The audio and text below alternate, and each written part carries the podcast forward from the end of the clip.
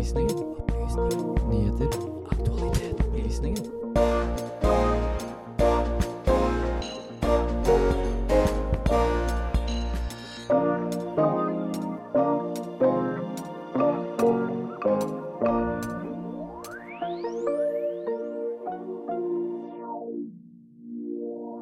Hvorfor er den norske kronen så svak? Hvem blir hardest rammet, og hva har det å si for nordmenns kjøpekraft? Spania er i dag et progressivt land, en feriefavoritt blant oss nordmenn. Men frem til 1970-tallet var det et diktatur under Francisco Franco. Hvorfor har oppgjøret blitt så forsinket? Den tyrkiske presidenten Erdogan ble omsider gjenvalgt. Men hvor demokratisk var egentlig valget? Vi har spurt Tyrkia-spesialist Joakim Parslov. Klimaendringene endrer bøndenes dyrkemuligheter også her i Norge, hvor storskala vinproduksjon kan bli en virkelighet i fremtiden.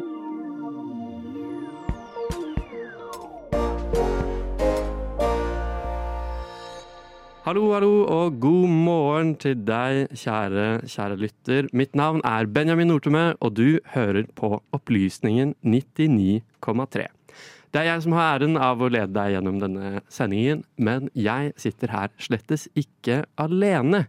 For med meg i studio har jeg litt forskjellige venner, samlet litt eh, folk her som skal være meg eh, fast og nær her gjennom denne, denne sendingen. Vi kan begynne på min venstre flanke. Hvem er det vi har her? Jeg som sitter her, det er Marte. God morgen til deg. God morgen, eh, Marte. God morgen. Jeg så ned på miksebordet og lurte på har jeg skrudd opp riktig mikrofon. Det har jeg gjort. Heldigvis. Så det er fint. Vi har med Marte med oss. Vi har Lise Benus, god morgen. God morgen, Lise. Hallo, hallo, hallo. Hallo, hallo, hallo. Og her sitter Alexander Klyve Gudbrandsen. God morgen. Der må vi Vil du introdusere deg igjen, eh, Alexander Klyve Gudbrandsen? Så vi har det en gang til. Ja, det var den mikrofonen som var gal. Eh, ja, det er jo kanskje ikke så farlig. Vi har, hvert fall, vi har Alexander Klyve Gudbrandsen med oss i studio også. Jeg er her. jeg er her. Han er her, han er her. Han kan bekrefte. Han kan bekrefte. Så da har vi eh, starta på den foten. Eh, hvordan var det å stå opp i dag? Var det, var det greit? Nei, jeg hadde Jeg sleit skikkelig. Jeg åpnet øynene. Du vet sånne morgen der du åpner øynene, og så bare klarer ikke du å holde dem åpne. Jeg hadde en sånn dag. Så jeg ble liggende i sengen og var sånn OK, OK. Og om ti minutter så står vi opp, og så lukket jeg øynene, så var det gått 20 minutter, og så var jeg sånn Ops. Altså For meg så gikk det greit, fordi det er så lyst ute at du våkner av lyset. da Og så vet du, du ser liksom på Yr, da. OK, det er 24 grader ute, og klokken er ikke ni engang. Så det er varmt i hovedstaden, altså. Det er jo det. Men eh, jeg for min del blir, eh, blir overrasket liksom hver, hver eh, natt. Selv med vinduet vid åpent, liksom. Eh, masse luftsirkulasjon og alt som ellers skulle være godt. Eh, så er det jo det er varmt når man skal sove. Mm. Absolutt. Jeg tror vi må over til sånn laken som man har i Syden, da. Ja. Bytte dynene ut, altså. Ja, jeg Altså, ligger jo- bare rundt og ruller, jo- liksom. Ah, det er så varmt, varmt, varmt. Ja. Det var tropenatt i natt. Ja, det Var faktisk det. Ja, Over 20 grader. ja. Det gir mening, for jeg eh, satt og vrei meg i hele natt. Sånn, ah, det er altfor varmt. Ja. Nei, det er, um, det er varmt. Det er jo kanskje ikke noen nyhet hvis du befinner deg i Oslo. Så har det jo vært eh, varmt en stund, og en stund til skal det være varmt. Eh, Nå skal ikke jeg komme med noe lengre værmelding, men det ser jo ganske, ser ganske lovende ut der for alt eh, som heter bading og eh, ja, sommeraktiviteter. Kanskje du skal sette deg på en båt ut til eh, noen av eh, øyene i fjordene Ja. spille litt kubb, samle onkelen din og tanta di og eh, ta en piknik et eller annet sted. Høres deilig ut. Det er, eh, det er så fint, det. Det er så fint. Eh, vi skal over til noe annet fint. Du skal få høre en låt her på Radio Nova. Her får du Riga Tiger med hørlurer og solodans. Og så bruker han jo da også i forlengelsen av det dette ordet terrorist. Ikke sant? På sett og vis er jo det USAs store gave til verdens eh, autoritære finne et litt mer, litt mer nyansert språk der. De arabiske statene prøver å føre en sånn politikk hvor de kan støtte palestinerne i retorikk, men i praksis holde seg egentlig unna konflikten. Radio Novas samfunns- og aktualitetsmagasin Opplysningen gir deg historiene, sakene og debattene andre overser. Aldri redd, alltid balansert. Velkommen tilbake fra sang. Jeg nevnte jo tidligere her i eh, sendingen at vi skulle snakke litt om den norske kronen. Og for å gjøre det skal vi forsøke nå her å ringe en, eh, en som kanskje kan sies å være en større ekspert enn det vi er. Jeg er med, ja. Men Ja, det, Så fint. det, det er, litt, det er to, to stykker på linje samtidig. Ja, nemlig. Eh, det her er jo Ja. eh, litt, eh, litt uvant, sikkert. Men eh, jeg håper du kan høre oss. Eh, Ja, jeg hører det godt nå. Flott, flott, flott. Da skal vi prøve å redusere, sånn, eh, redusere støy inne i rommet her. Men velkommen. Ja. Velkommen skal du være. Beklager at det ble litt krøll her. Eh, du er altså førsteamanuensis ved Institutt for finans på BI, det stemmer? Det er helt riktig. Så fint. Vi hadde noen spørsmål vi gjerne ville stille deg. Eh, Vi fikk uh, tatt selve lille introen uh, akkurat her mens vi hadde litt teknisk eh, krøll. Kronen er jo veldig svak. Det er Ja. noe kanskje mange har hørt. Mange merker også hvis de reiser til utlandet at det å konvertere norske kroner til f.eks. euro er en dyrere affære enn det det har vært tidligere. Så kan, kan du redegjøre litt for hvorfor den norske kronen eh, er så svak? Ja, jeg vil kanskje ta fram tre ting. da. Det er ganske sammensatt, og det er alltid vanskelig å, å forstå dette 100% Det er jo rett og slett bare tilbud og etterspørsel. sånn at kronen er svak relativt til andre valutaer, så er det bare fordi at eh, det er flere da som vil selge kroner enn folk som vil kjøpe kroner, for sitt enkelte. Dermed faller prisen. Uh, uh, og da har jeg hørt uttrykket at kapitalen flyter der som avkastningen er høyest. Og, av, og renter er jo avkastning for de som har penger å plassere. Og norske renter har den siste tiden, da, eh, etter dette inflasjonssjokket kom rundt omkring i verden, ligget ganske mye lavere eller ikke fulgt dette internasjonale renter på samme måte. Og Det betyr at vi har fått det vi ofte kaller for en litt uheldig rentedifferanse med utlandet. da. Sånn at eh, det er mindre attraktivt å investere i Norge pga. man får lavere avkastning i Norge enn f.eks. I, i USA og i eurosonen. Så det, det, det er kanskje den viktigste årsaken. I tillegg da, så er det eh, faktor nummer to er kanskje at eh, altså ikke bare kanskje, men det er jo eh, ganske urolige tider i verdensøkonomien med, med mye usikkerhet i henhold til Ukraina-krigen osv. Og Det gjør jo ofte at investorene de velger det trygge. da, og Store valutaer er ofte tryggere. altså Euro og dollar er ofte tryggere enn en liten eh, valuta som norske kroner er. da, En liten, åpen økonomi.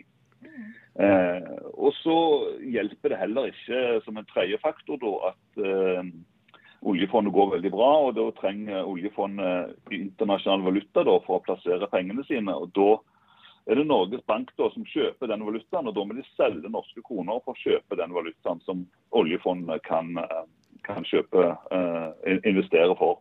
Og Det gjør jo da at eh, det norske bank, da, Norges Bank da, eh, selger norske kroner i størrelsesorden mellom 1 og 2 milliarder eh, kroner til dagen i en periode. Og Det er jo med på å understøtte et eh, salgspress eh, på norske kroner, som gjør at kursen faller enda mer. Så Det var i korte trekk de tre viktigste faktorene, tror jeg. Ja. Altså, dette er jo veldig komplekst, da. Det er veldig komplekst, eh, hele problemet. Em, men tror du at dette kommer til å vare lenge? Altså, Kommer vi til å få en sterkere krone?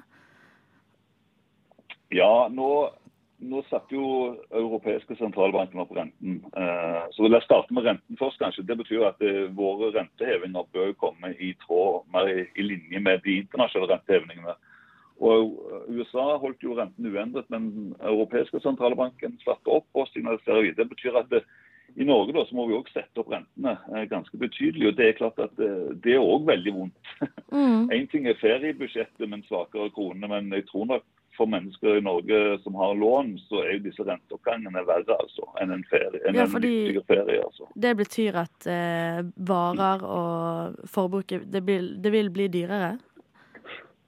Det vil bli dyrere, for når, når kronen er svak i tillegg, så importerer man jo masse varer inn til Norge. og det er klart at De blir jo dyrere da. Når kronen er svak, så må vi betale mer kroner eh, for samme eurobeløp. Sånn at eh, f.eks. satt vi importerer fra eurosonen og USA osv. De, de vil bli dyrere. eh, Som er med på å gjøre det vanskeligere for Norges Bank å sette renten ned igjen osv. Så, videre. så det er litt sånn vond og dum spiral vi er inne i nå. altså. Det er det, og det avhengig av hvor raskt vi får kontroll på inflasjonen, altså. Mm. Um, Men og, eh, og norsk økonomi går jo ganske bra likevel. Sant? Det er ganske høy sysselsetting. og Det betyr at trykket i økonomien er ganske høyt. Så jeg tror ikke dette går over på veldig raskt, noe veldig raskt. altså. Eh, men hvor lenge vi har den situasjonen her, det, det tør jeg ikke si noe om. Men jeg ser ingen snarlig utgang. Nei. Så ville du anbefalt å kanskje vente med å bestille reise og kjøpe bil fra utlandet? At man avventer det? Uh, nei, altså man må bare se rett og slett ut fra sitt eget budsjett. Mm. rett og slett.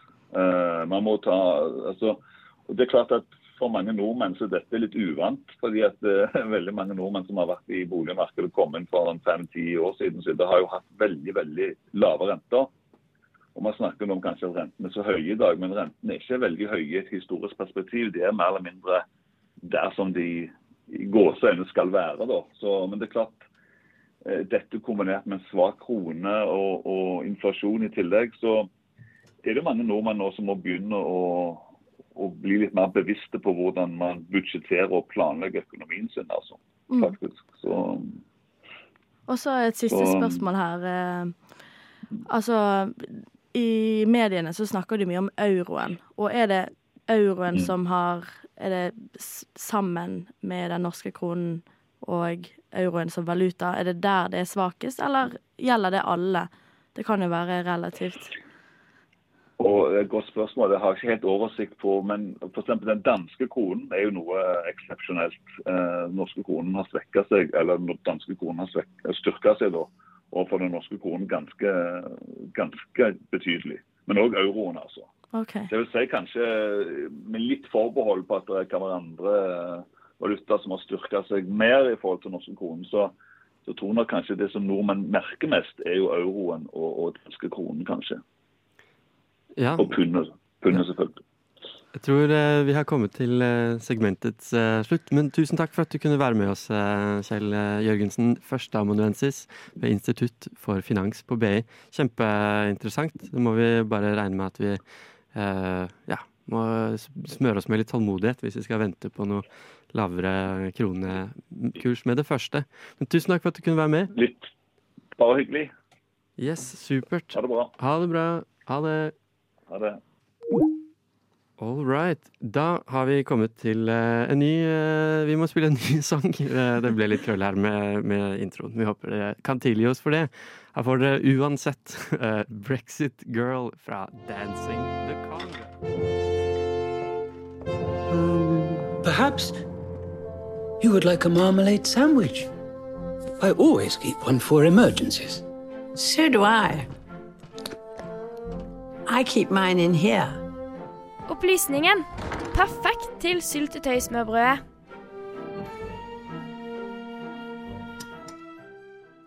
Ja, de sier eh, så. De sier så. Perfekt til syltetøy-smørbrød. Det stemmer så eh, Det stemmer så det synger. Jeg vet ikke. Finner opp et uh, uttrykk her. On the fly. Vi skal eh, inn i neste materien her. Eh, og jeg eh, Jeg tenkte jeg skulle spørre Lise. Når eh, Altså, over til noe annet. Over til noe helt annet. Når jeg sier Spania hva slags, eh, hva slags assosiasjoner får du i, i skolten inni huet da? Ja, nei, for jeg er veldig sånn visuell. Så jeg ser liksom for meg sånn skikkelig tørt landskap. Strand gjerne, noen blå, blå bølger som slår innover. Ligge i solen, slappe av. Eventuelt gå på tur, og så er det liksom noen knusttørre busker ved siden av deg. Og skikkelig sånn varm Syden-opplevelse. da. Det er det jeg tenker på i hovedsak, egentlig. Ja, for du tenker ikke på eh, borgerkrig eller fascismens arv eller sånne store, tunge uh, temaer som det? Nei, det er jo ikke det fort det man assosierer med Spania. Og jeg tror, jeg tror ikke du er alene uh, i det. Jeg tror det er egentlig helt normalt. Det er jo sunt og, og greit å på en måte ha eh, Spania som en fin eh, Fin sånn eh, drømme seg bort dit. Jeg har denne gang tatt et, et dypdykk i det som kanskje ikke er så fint med Spanias eh, historie, og eh, laget et innslag som jeg har gitt tittelen 'Spania borgerkrigens lange skygge'. Så Vi skal høre litt på hva det egentlig dreier seg om. Dette er en fortelling om historisk bevissthet. Om borgerkrig, monumenter og minnenes politikk. I et vakkert furet landskap fem mil nordøst for Madrid ligger De falnes dal. Stedet som i det moderne Spania har blitt det fysiske kjernepunktet for historisk selvransakelse. De falnes dal er et monumentalt kompleks, påbegynt i 1940 og reist på befaling fra general Francisco Franco. Spanias langvarige diktator og seierherre fra den spanske borgerkrigen. Begravet dypt i grunnmuren, søyler og bærende konstruksjoner ligger det levninger av 38 000 soldater som kjempet på hver sin side i den krigen. De fleste av dem mot sin vilje.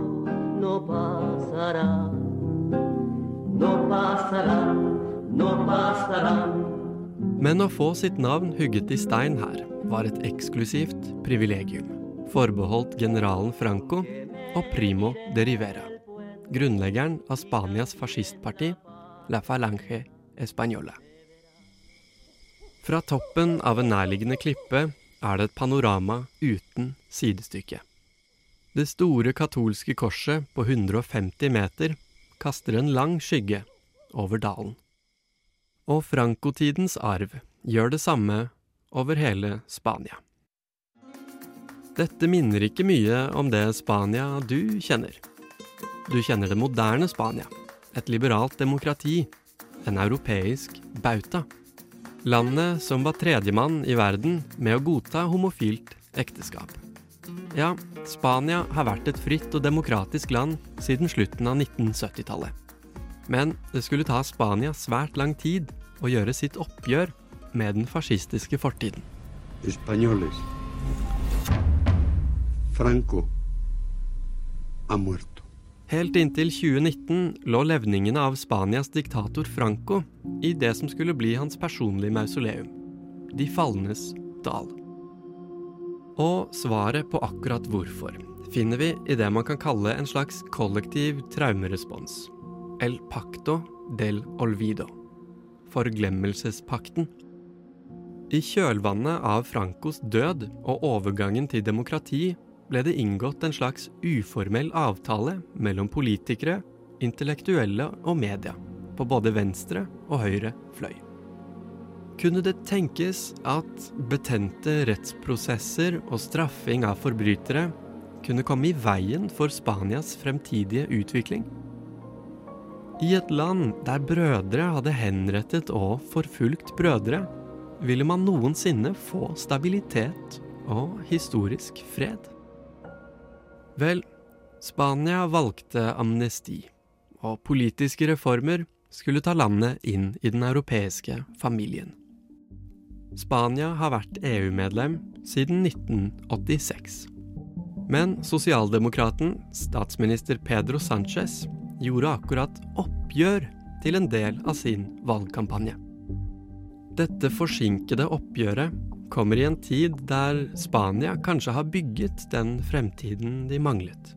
Og det er litt subtilt, men jeg tror norske lyttere egentlig vet hva jeg snakker om.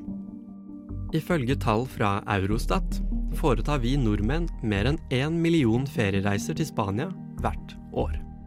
I en mer åpen europeisk verden gjør vi dette trolig uten store bekymringer. Uten å tenke noe særlig på skyggene av Franco-tiden eller noe slikt. Men for det moderne Spania står det et lite vindu på gløtt, nå som stabiliteten er vunnet. El pacto del olvido, forglemmelsespakten som la fortiden under lokk, er i ferd med å selv bli glemt. I De falnes dal tar man nå for første gang DNA-prøver av 128 menneskekropper som ligger gravlagt der. I The Guardian siteres antropologen og rettsmedisineren Francisco Echeverria med følgende ord. Han kaller arbeidet en virkelig eksepsjonell utfordring.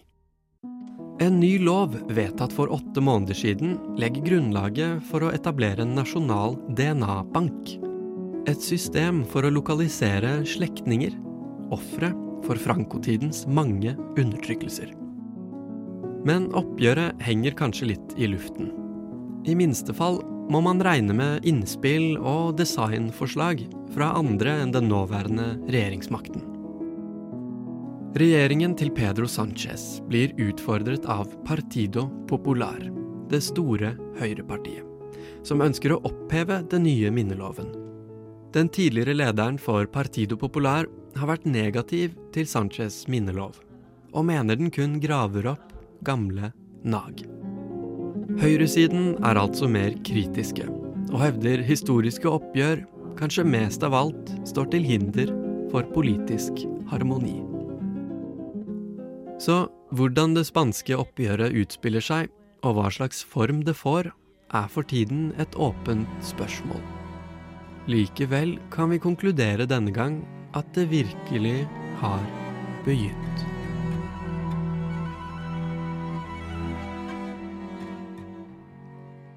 Ja, og reporter i innslaget, det var meg, Benjamin Nordtømme. Du skal få en ny låt. Her får du Filthy Burger Girl med Mr. Speaker, I am a fighter and not a quitter. I have therefore spoken to His Majesty the King to notify him that I am resigning as leader of the Conservative Party. Opplysningen. Vi trekker oss ikke. Jeg lover. Vi trekker oss ikke. Det er helt riktig. Det stemmer på en prikk på en prikk på en prikk. Vi skal inn i neste materie. Nå har jeg fått litt sånn munnhell. Nå sier jeg det hver gang vi skal inn i en ny sak. Så er det liksom ja, vi skal inn i nytt materie, nytt materie, nytt materie. Men denne gangen er det eh, nytt. I hvert fall for denne, denne sendingen. Vi har snakket om det her tidligere. Men Tyrkia, Aleksander. Der har det vært eh, valg. Ja, stemmer. Og dette er kanskje noe folk har eh, Det har- sklidd litt vekk fra forsiden og sånn, i og med at det er ja, det er vel en to, snaue to uker siden det gikk av stabelen, den andre runden. Stemmer det? Nei. Nei. Jo, ja, andre, Andre- runde i presidentvalget var 28. mai. Nemlig. 28. mai. Det er, det er bra. Du hørte det her uh, først. Da er det det. Spikra og, og, og bra. Men uh, der var det jo en, uh, en kar med navn Recep Tayyip Erdogan som, som vant valget. Ja. Hva Du har jo snakket med en ekspert eh, her, så vi skal få høre på, eh, høre på det. Men hva, hva, hva er kortversjonen, egentlig? Um, Erdogan ble jo gjenvalgt et- etter 20 år ved makta. Um, så Tyrkia står foran fem år til med samme regime som nå. Eh, men det er en del diskusjon om hvor demokratisk dette valget egentlig var. Og eh, vi har jo òg sett litt nærmere på hva slags grunner det kan være for at eh, Tyrkias leder ble gjenvalgt nok en gang. Og hva litt sånn hva kanskje vi kan forvente fremover. Spennende. Kjempespennende. Without further ado skal vi høre hva Alexander har funnet ut. 28. mai i år var det klart for andre og avgjørende runde i presidentvalget i Tyrkia. Og sittende president Recep Tayyip Erdogan ble gjenvalgt. Første runde av presidentvalget ble avholdt 14. mai, men eh, ingen av de fire kandidatene fikk over 50% av stemmene. Dermed måtte det for første gang i Tyrkias historie avholdes en andre valgomgang. Erdogan vant denne valgomgangen med 52,18% av stemmene. Samtidig med første omgang i presidentvalget ble det avholdt valg på ny nasjonalforsamling. Erdogans allianse, som bl.a. består av partiet hans det høyreorienterte AKP, sikra et flertall her. Og det ble ikke spesielt store endringer i nasjonalforsamlingen. Erdogan samt opposisjonskandidaten Kemal Kilic-Darolo gikk videre til andre valgomgang. Kilic-Darolo er den kandidaten som mesteparten av den tyrkiske opposisjonen stilte seg bak. Kilic-Darolo er leder av det republikanske folkepartiet, CHP, som er et sosialdemokratisk parti. Kilic-Darolo lovte et mer demokratisk styre i Tyrkia, at Tyrkia skulle bli en mer konstruktiv partner i Nato, og at den økonomiske politikken skulle legges om. Erdogan satt først som statsminister fra 2003 til 2014, og har deretter sittet som president. I løpet av de 20 årene Erdogan-regimet har sittet ved makta, har Tyrkia beveget seg i en autoritær retning. Så hvor demokratisk var valget nå? Vi spurte adjunkt Joakim Parslov, som er spesialist på Tyrkia ved Institutt for tverrkulturelle og regionale studier ved Københavns universitet, i forkant av andre valgomgang. Altså hvis, vi, hvis vi ser på det sånn helt, helt, helt minimalt, altså det er selve det å gå til stemmeurnen og putte et stempel på stemmeseddelen og putte det opp i stemmeurnen, uh, så er det ganske fritt. Men, men altså selv, om vi, selv, om vi, legger til grunn at, at, det ikke er så mye stemmefusk eller valgfusk i Tyrkia at det vil påvirke utfallet i noen særlig grad, så kan man heller peke på altså alt det som skjer rundt valget. Og Det er der, det er der problemet ligger. Det er der det udemokratiske ligger. Det ligger i at uh, Erdogan har nå sittet ved makten i, i, veldig mange år. Han har i løpet av den tiden fått total kontroll over, uh, over staten og alle statens uh, bestanddeler. I den grad det er, er mulig. Altså han, har, han, har, god kontroll over domstoler f.eks. Og så har han veldig god kontroll over det tra tradisjonelle medielandskapet. Så, så, det er, først og fremst der det udemokratiske ligger. Altså det ligger i sensur, det ligger i juridisk press og kontroll på opposisjonen. Det ligger i det faktum at uh, opposisjonelle politikere kan, uh, de kan fengsles uh, eller, eller, sensureres på andre, andre måter. Og at, at, de simpelthen ikke slipper til med budskapet sitt, mens Erdogan slipper til overalt hvor han vil. Hvorfor stemmer folk på Erdogan? Til syvende og sist vet vi jo egentlig ikke det. Ikke Men man kan, man kan, tenke seg forskjellige forklaringsmodeller. Man kan tenke seg at det kan være materielle faktorer. At det først og fremst er, er økonomien eh, generelt, makroøkonomien generelt f.eks. Eller at det er mer sånn spesifikke økonomiske goder man får av Erdogan. Og så kan man på den annen side tenke seg at det kan være eh, andre faktorer som identitet, ideologi. Så hvis man stiller spørsmålet hvorfor stemmer folk på Erdogan, så tror jeg det er en kombinasjon. Han holder rentenivået lavt. Det henger sammen med at han, han ønsker at, eh, at, eh, tyrkiske forretningsfolk skal ha tilgang på billig kreditt. De som så får kreditt, de som får billig lån, det er igjen de som støtter Erdogan. Det er de som sørger for at han, han igjen får kontroll over tyrkiske medier, og at, eh, at folk stemmer på han ved valgene. Men så er det andre mer spesifikke ting. Han kan dele ut subsidier og støtte til utsatte grupper i Tyrkia før valget. Og det har han gjort i stor stil nå før valget. Etter dette store, eh, katastrofale jordskjelvet som skjedde i februar, så har han eh, lovet at han skal helt gratis bygge opp igjen eh, husene til alle som mistet sine hus. Og det, og det har han allerede begynt med. Så kan man tenke seg at, at det er andre faktorer også. Det at han representerer en form for konservativ, verdikonservativ muslimsk identitet. Og mange i Tyrkia føler at den identiteten er blitt uh, tråkket på, trampet på av tidligere presidenter og tidligere politiske ledere i Tyrkia over mange år, frem til Erdogan kom til makten tidlig på 2000-tallet. Og de identifiserer seg derfor med ham. De føler at han er deres leder. Han er deres garanti for at denne den autoritære sekularismen som dominerte uh, særlig i det tyrkiske militæret frem til begynnelsen av 2000-tallet, ikke igjen kommer tilbake. Så, så, det er også et, et, narrativ der som har å gjøre med identitet og har å gjøre med kollektiv historisk hukommelse, som også tror jeg spiller en stor rolle. Finnes det noen begrensning på hvor lenge en president i Tyrkia kan sitte? I den tyrkiske forfatningen så står det at en president kun kan sitte eh, to ganger. Mange jurister vil jo da si at Erdogan egentlig ikke kan være kandidat en gang til. Fordi han ble valgt som president den første gangen i 2014, og så ble han gjenvalgt i 2018. Men det Erdogan og, og hans jurister sier, det er at uh, den stillingen Erdogan nå har, den presidentstillingen han nå har, den uh, er en ny, ny presidentstilling. Som først ble oppfunnet med endringer i forfatningen som kom i 2017. Så Sånn sett har han jo litt rett. da, At det er en ny form for stilling som han så ble valgt til i 2018. Det er egentlig formaliteter, det er teknikaliteter. Fordi Det som jo har skjedd eh, siden 2014, er jo at han har i realiteten fått all makt i sine hender. Så da, da, han ble valgt som president i 2014, så var han allerede i ferd med å konsolidere den makten, som så senere ble formalisert i en ny presidentstilling med forfatningsendringen i 2017. Så det, blir, det er formaliteter, det er til dels teknikaliteter. Eh, og det ville overhodet ikke overraske meg om vi eh, innen det har gått fem år til, ser at Erdogan klarer å gjennomføre noen nye forfatningsendringer som gjør at han kan sitte som president i, i enda noen år utover disse neste fem årene. Valget er avslutta, og Tyrkia står altså foran fem år til med Erdogan som president. Hvordan utviklingen i tyrkisk politikk blir framover, gjenstår å se. Og eh, lyden i innslaget du hørte, det eh, var hentet fra Blue Dot Sessions. Og jeg kan opplyse at, også at en eh, annen medvirkende i innslaget har vært Amalie Sundby. Og Alexander Klyve Gudbrandsen leste inn eh, på slutten og begynnelsen. Du skal få eh, Blått blod av eh, Etos her på. Teknologi og digitalisering gjør at det vi ikke fikk til for noen år siden, det er mulig nå. At det å stadig vekk skulle balansere mellom frihet og ufrihet Det er ikke noe særlig lurt å stole på viljestyrken, f.eks.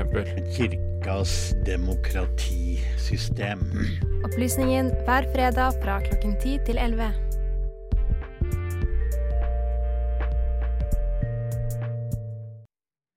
Det er godt å være tilbake. Eh, skal vi se, skal vi se, skal vi se. Jo, ny materie. Hørte meg si det igjen. Ny materie. Og denne gangen er det mm, eh, inn i landbruket. Norsk landbruk. Til og med, til og med. Men på en måte vi kanskje ikke er så veldig vant med å høre. Eh, Lise, det var en artikkel i nrk.no eh, denne uka om noe litt spennende. Hva, hva er det for noe? Jo, eh, den handlet om vin, rett og slett. At eh, det, klimaendringene har ført til så eh, høye temperaturer i Norge at vi rett og slett kan begynne å dyrke vin. Eller vindruer, da, mer spesifikt. Eh, I hovedsak så dreier det seg om områder som òg kan produsere en del frukt. Som eksempel Agder og inne i fjorder i, i Vestlandet.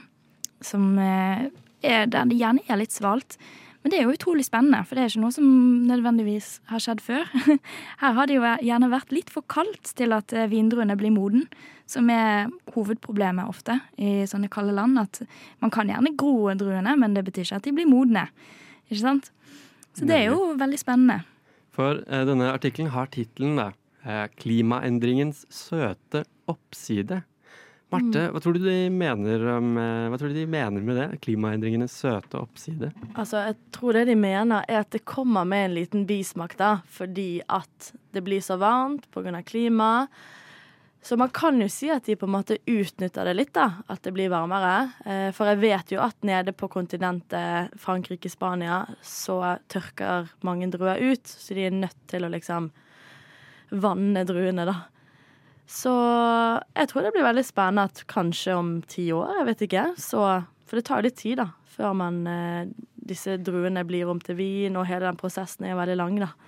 Mm, kanskje det her er en måte å helgardere seg litt. Jeg leser her at en, en studie fra Vinmonopolet, vår egen statlige eh, store innkjøper av vin, de burde jo vite hva de snakker om. Um, en studie fra Vinmonopolet viser at opp mot 85% av dagens vinområder kan bli uegnet for druedyrkning i 2050. Så er vi nå i 2023. Så at dette tar da 20 år å bygge opp en eh, norsk vinproduksjon. Da er vi nærmere oss 2050, skrekkens år. 85% av alle vinområdene blir eh, kan bli uegnet eh, for druedyrkning. Da snakker vi da om Italia, Spania og Mm. Australia, Sør-Afrika. Um, ja, nei eh, Sorry. Det jeg har bitt meg merke i, er jo at um, man kan se det på polet. At det er også noen ukonvensjonelle land eh, iblant å se i butikkhyllene. Eh, jeg så nemlig også at det var en svensk vinflaske til salgs på Vinmonopolet et eller annet sted hvor jeg var. Alexander, er du kjent med svensk vinproduksjon? Ville du prøvd en svensk vin? Um, ja, kanskje det. Jeg har aldri prøvd det før. Jeg visste faktisk ikke at det var noe som heter svensk vin før uh, i går, tror jeg, da jeg leste denne artikkelen. Så det høres jo uh, eksotisk ut på en litt sånn omvendt måte. Et Ja, land som kanskje ikke er det mest eksotiske for oss i Norge egentlig blir eksotisk når det er snakk om noe sånn som dette, som vin. Ja, men det er funny, for det er jo ja, eksotisk i revers, da. Det er jo liksom Å ja, er no, Sverige er jo kaldt og like surt som Norge, men det er vin. Ja, noe, noe er det der. Lise, jeg så du hadde to fingre oppe. Ja, eh, for da kan man jo gå inn på det økonomiske med det. Fordi eh, det er jo noe med at eh, vi har jo en del turister. Og jeg eh, personlig har jobbet i serviceindustrien, og der får man ofte spørsmålet å, finnes det norsk etc. Så det at eh, det plutselig kommer norsk vin, det finnes jo en norsk vin eh, på polet. Eh, det kan jo absolutt ha med seg noen økonomiske fordeler. Så er det jo også kanskje en fordel at den norske vinen eh, vil være relativt mer kortreist. Eh, og støtte lokale bønder er jo alltid noe man eh, snakker om. Marte? Ja, sånn sett så er jo det mer bærekraftig. Og så, altså Nå er jeg ikke noen ekspert, men jeg har hørt fra vineksperter at akkurat nå så er ikke den norske vinen sånn veldig god. Men jeg, jeg har troen på at dette her kan bli bra, jeg. Og ja, med de økonomiske fordelene. Og bare sånn smaken kan jo være veldig annerledes, siden det produseres her, da. Mhm. Vi kan også lese at dette, det gjelder jo ikke da um, nødvendigvis eh, som, altså, som Lise sa her innledningsvis, at det gjelder ikke alltid eh, dermed sagt hele Norge, da, at det blir vindproduksjon fra Kirkenes til eh, Mandal. Men, Og på eh, Svalbard. Ja, på Svalbard også. Jan Mayen. Bouvetøya uti, uti der, hvor, hvor nå enn det ligger. Vel, eh, hvis vinbonden i Froland får plantene til å trives på gården, kan han bli landets største vinprodusent. Så er det et bilde da av eh, bonden eh, på Froland i, eh, på Sørlandet. Eh, Aust-Agder eh, ja, er jo Agder. Eh, Jeg er usikker. Jeg tror usikker. det, det er Aust-Agder. Det ligger Ja. rett utenfor Lillesand. Ja, det er jo i hvert fall gamle Aust-Agder, og kanskje til og med også nåværende Aust-Agder. Nå, eh, Nåværende Agder. Agder ja. fylke, hvis vi tenker fylkeskommunen, eller? Fylkeskommunen er det var egentlig det. var det Men var- Benjamin, var det rød eller hvit han eh, Froland-produsenten produserte? Du, jeg eh, regner med at det er eh, hvit, eh, hvit vin. Mm. Eh, druene vi ser på bildet her, er eh, røde, men det er også mulig å lage eh, hvitvin på røde druer. Det er ikke umulig. Og hvis du vil vite mer om vin og hvordan man egentlig lager vin Visste du at det lages med druer, f.eks.? Det har, vi, har vi lært. Um, ja, så må du høre på Umami her på Radio Nova. Så har de det som eh, en av sine mange spesialiteter. Vi er nødt til å gå videre til en eh, låt, og kanskje passende er det en låt med et italiensk navn. Eh, Italia lager mye vin, det vet du sikkert. Her får du Ciao fra Yikes. Og det er altså så provoserende at folk tror at vi tuller, men vi gjør ikke det, altså. Dessverre. Opplysningen på Radio Nova. Aldri redd, alltid balansert.